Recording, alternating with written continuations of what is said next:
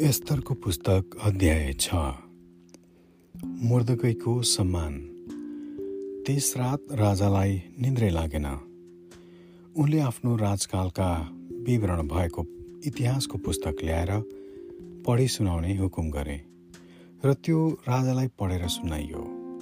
त्यसमा दुईजना ढोके बिक्थाना र तेरेसले राजा आहासुरसलाई मार्ने षड्यन्त्र गरेका र मुर्दकैले त्यो जाहेर गरिदिएका विषयमा लेखिएको थियो।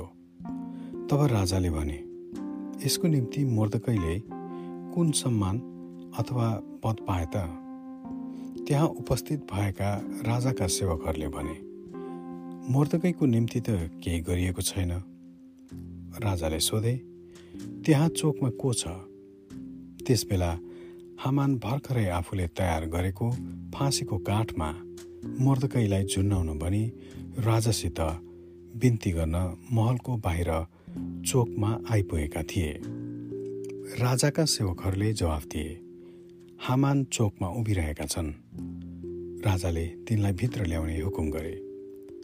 जब हामान भित्र आए तब राजाले तिनलाई सोधे। राजा आफैले सम्मान दिन इच्छा गरेको मानिसलाई के गर्नुपर्छ? हामानले मनमनै सोचे।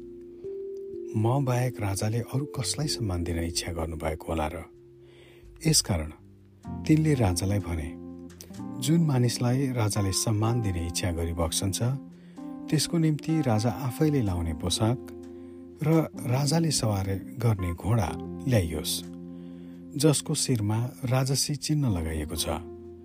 त्यो पोसाक र घोडाका सबैभन्दा माननीय पदाधिकारीहरूमा एकजनाको हातमा सुम्पियोस्। अनि राजाले सम्मान गर्न इच्छा गर्नुभएको त्यस मानिसलाई तिनीहरूले पहिराइदेऊन् र त्यही घोडामा सवार गराएर सहरका सडकहरूमा तिनीहरू जाँदा यसो भन्दै कराउन्। राजाले सम्मान गर्न इच्छा गर्नुभएको मानिसको निम्ति के गरिएको छ सो हेर। तब राजाले हामानलाई भने छट्टै गएर तिमीले भने झैँ पोसाक र घोडा ल्याऊ र यहुदी मर्दगैको निम्ति त्यसै गर।